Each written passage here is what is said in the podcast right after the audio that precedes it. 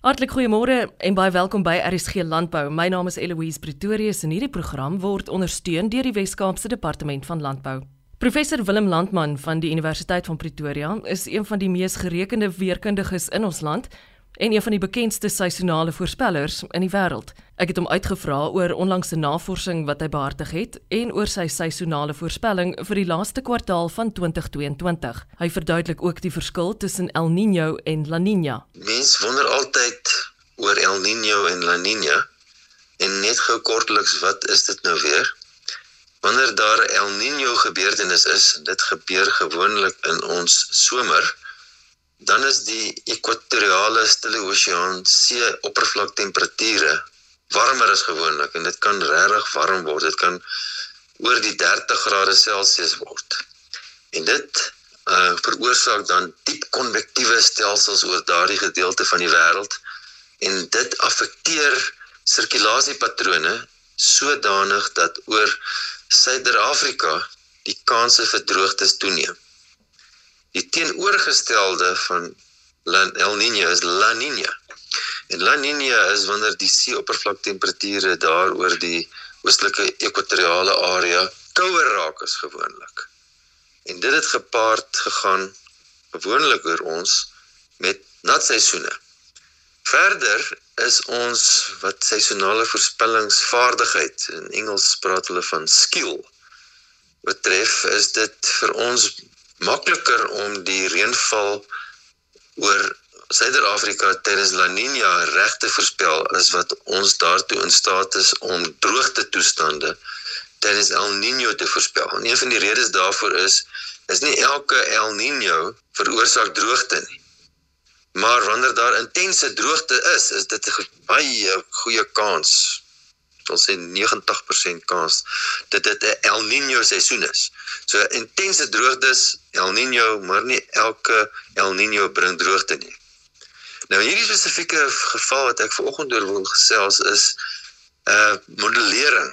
Oor ons het 'n model ontwerp wat voorspellings kan maak vir 'n spesifieke boer se plaas. En hierdie boer is in Papsfontein en hy het vir ons goed oes data gegee. So dis aan die einde van die seisoen het hy nou sy oes gemaak en daai getalle van die ton per hektaar vir ons gegee en ons het gekyk kan ons met ons klimaatmodelle 'n proses opbou of konstrueer wat nou 'n verwantskap is tussen die uitvoere, die voorspellings van so 'n klimaatmodel en wat die boer nou waargeneem het in sy land. Ja, dis nie net my jene, ons ons kan dit eintlik deksels goed doen. Ons het 'n uh, uh vir 'n tydperk van so is dit 30 jaar getoets. Jene en die die korrelasie wat ons kry is statisties noemenswaardig. Is eintlik baie goed. Maar toe sien ons jene daar is in hierdie voorspellings evalueringstydperk is daar 3 agtereenvolgende jare waar die voorspellings misrabelik gefaal het. en het, met nader ondersoek het ons gesien hierdie 3 jare is geassosieer met drie agtereenvolgende La Niña gebeurtenisse. Nou hoekom is dit nou interessant op hierdie oomblik? Is dat daar is 'n verwagting wat van hierdie internasionale senters sentrums wat El Niño en La Niña met hulle baie gesofistikeerde eh, klimaatmodelle voorspel dat daar weer 'n La Niña kan wees tydens hierdie somer wat nou vir ons lê en wag. Maar in 'n geval, dit is nie te sê dit gaan nou presies so gebeur soos wat ons gehad het nie. Maar ek weet oor die afgelope La Niña seisoen, se somerseisoen was daar areas wat regtig papnat was. Nou wat ons in hierdie boer se voorspellings se verifikasie van sy voorspellings gesien het is dat ene daai drie agtereenvolgende La Niña jare waar dit goed gereën het en twee van hulle was die oeste laag. Eintlik laer as gewoonlik laer as gemiddeld. En die rede daarvoor was dit was omdat daar te veel reën geval het. In 'n ander La Niña jaar was dit nie regtig so nat gewees soos wat ons sou gedink het dit is tydens 'n La Niña jaar nie. Maar is interessant om te sien dat As ons 'n La Niña jaar het en die verwagting is vir goeie reën wat meeste van die kere dan gebeur, beteken dit nie noodwendig dat so 'n goeie reënjaar geassosieer word met goeie oeste nie. Want dit kan gebeur dat te veel reën die goed laat versuip of die boer kan nie in sy land inkom om te oes nie. Hom vra die goed seker. So ek weet min van die daai aspek van landbou af, maar ek kan myself indink dat as daar te veel water is, dit wel ook 'n probleem kan veroorsaak. En dit is een van die dinge wat ons mee oor taamlik bekommerd raak wanneer ons praat oor klimaatsverandering. Want klimaatsverandering het te doen met die toename van ekstreme seisoene. So dit kan selfs ekstreem nat wees as ook ekstreem droog. Ons sien duidelike goed in die klimaatsveranderingsmodelle wat wys dat die temperature toeneem. En ons voel dit self. Daar's in die waarnemings wat geneem word, wys dat die temperature toeneem en die modelle voorspel dat oor die volgende dekades die temperature gaan toeneem. Maar daar's nie oor ons area 'n baie duidelike, nie oor alle areas ten minste, 'n baie duidelike sein van die 'n droog wordende klimaat nie. Maar wat ons wel sien is dat daar ekstreme seisoene dalk aan die toeneem kan wees. En ekstreem is beide kante. Te droog en ook te nat. En soos met die geval wat ek nou net gepraat het van die Babsfontein boer was, te nat seisoene is ook nie wat 'n boer wil hê nie. Ja, nee, dis baie kompleks. Kyk, die die dinge wat ons moet probeer uh verstaan is nie net wat ons sien in die waarnemings nie. Ons moet dit probeer verklaar. En om dit te probeer verklaar met die die, die dinamika van die atmosfeer verstaan en hoe daai dinamika presies gewerk het om dit wat ons in die waarneming sien te kan verklaar. Ons kan nie net 'n ding sien en vir ons sê ja, ons sien dit is so en dan weet ons nie regtig hoekom dit so is nie. Om dit te sien dit is so is een ding en om dit te verklaar is is definitief 'n ander uitdaging. En dit is hoekom mense navorsing doen.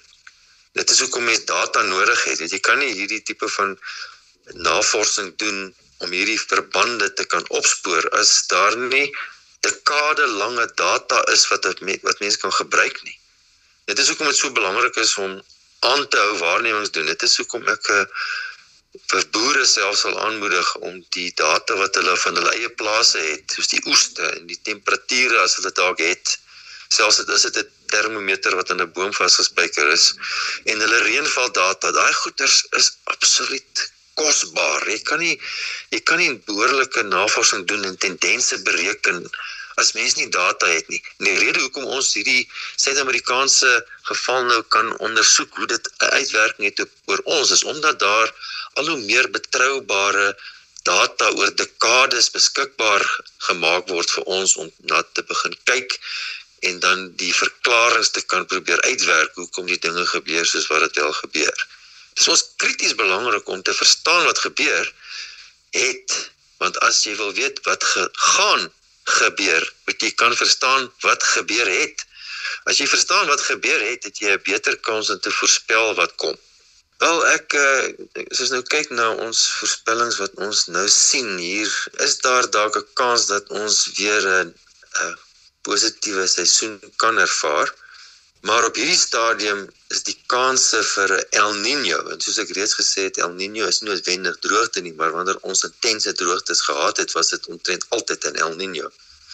Die kanse vir 'n El Niño in die 2022-23 seisoen is bitter skraal. Willem, ek weet jy is iemand wat baie graag en gereeld met die boere van Suid-Afrika skakel. En eh, soos jy nou genoem het, die insameling van data is nie net iets waar jy baie passievol is nie, maar dit is uiteraard allerbelangrik ook vir die boere in ons land. Waar kry ons jou in die hande dat ons verder lekker weer sake kan gesels?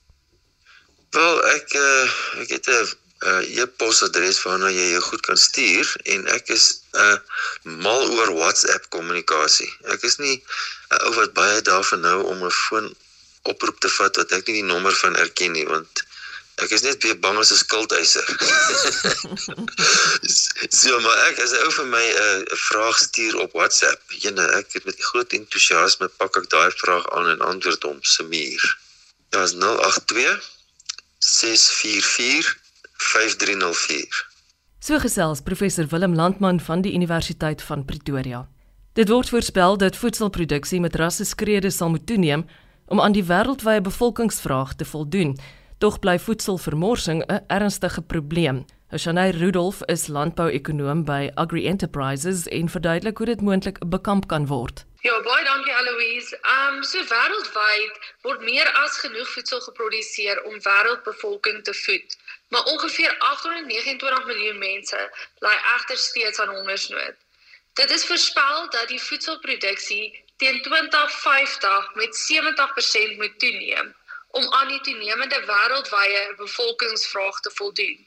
Tog gaan 1/3 van voedsel wat geproduseer word jaarliks verlore of vermors. Volgens statistieke vermors Europa en Noord-Amerika ongeveer 95 tot 115 kg kos per persoon per jaar. Die definisie van voedselvermorsing is enige voedsel wat geklassifiseer is as oneetbaar of voedsel wat verwyder word uit die voedselvoorsieningsketting om weggedoen te word vir komposterende doeleindes. Voedselvermorsing het 'n driedubbele negatiewe impak. Dit het 'n negatiewe impak op die ekonomie aangesien alle insette wat gebruik word om die voedsel te produseer vermors word, insluitende water, kunsmis, saad en elektrisiteit. Voedselvermorsing het 'n direkte impak op watersekerheid. Die blou watervoetspoor van die wêreldwye voedselvermorsing was 250 kubieke kilometer in 2007 gelykstaande aan 100 miljoen Olimpiese grootte swembaddens. Dit beïnvloed voedselsekuriteit wat die prys van voedsel direk beïnvloed aangesien die persentasie van voedselvermorsing by voedselpryse ingesluit word en dan laastens dit korreleer direk met klimaatsverandering aangesien die ontbinding van vermorste voedsel metaangasse genereer. Binne Suid-Afrika word 10.3 miljoen ton eetbare kos vermors. Suid-Afrikaanse huishoudings vermors sowat 8 kg voedsel in die Ekurhuleni omgewing per persoon per jaar en ongeveer 12 kg in Johannesburg per persoon per jaar. Daar word gevind dat Suid-Afrika se voedselvermorsing gelykstaande is aan 34% van die land se voedselproduksie. Verder ontvou 68% van voedselvermorsing in die vroeë stadium van voedselproduksie, gevolg deur 19% tydens oes en 49% tydens die verwerking en verpakking. Shanay, kom ons praat oor die praktyke van 'n vermorsing. Wat is dit dan wat die mense soms so verkeerd doen om hierdie foute te begaan? Wel, eerstens is dit leefstylspraktyke wat veroorsaak word deur veranderinge in dieete, Die tweede ding is onvoldoende stoormetodes, soos beerkrag en verbruikers weet nie hoe om hulle kos gepas te stoor nie. En dan derdens, die gebrek aan beplanning, koop, voorberei en bedien van kos. Shanay, hoe gaan ons dit bekamp in die toekoms? My advies is beplan jou inkopieslys vermy om in groot mate te koop as kos 'n kort lewens um tydperk het. Beplan jou eetes en berei jou oorskiet vir later. Voedselvermorsing vind plaas omdat verbruikers onbewus is van die implikasie. Die oomblik as jy aan voedselvermorsing dink, sal jou denkwyse verander oor kos. 'n Praktiese voorbeeld is die weggooi van 'n hamburger. Dink aan die bestanddele van 'n hamburger benodig. 'n broodrolletjie, beesvleis, tamatie, blaarslaai en kaas. Dit veg egter 1125 liter water om een brood te produseer, waarvan dit 5000 liter water veg om 1 kg kaas te produseer en 210 liter drinkwater om 1 kg vleis te produseer. Ons moet verder die vermorsing van saad kunsmis, diesel, arbeid, elektrisiteit en kapitaalvermorsing ook oorweeg wat vermors word in die produksieproses van 'n hamburger.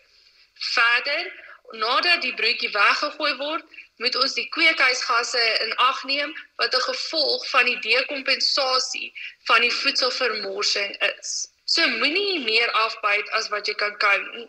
Beplan jou maaltye voor die tyd en vermy impulsiewe aankope.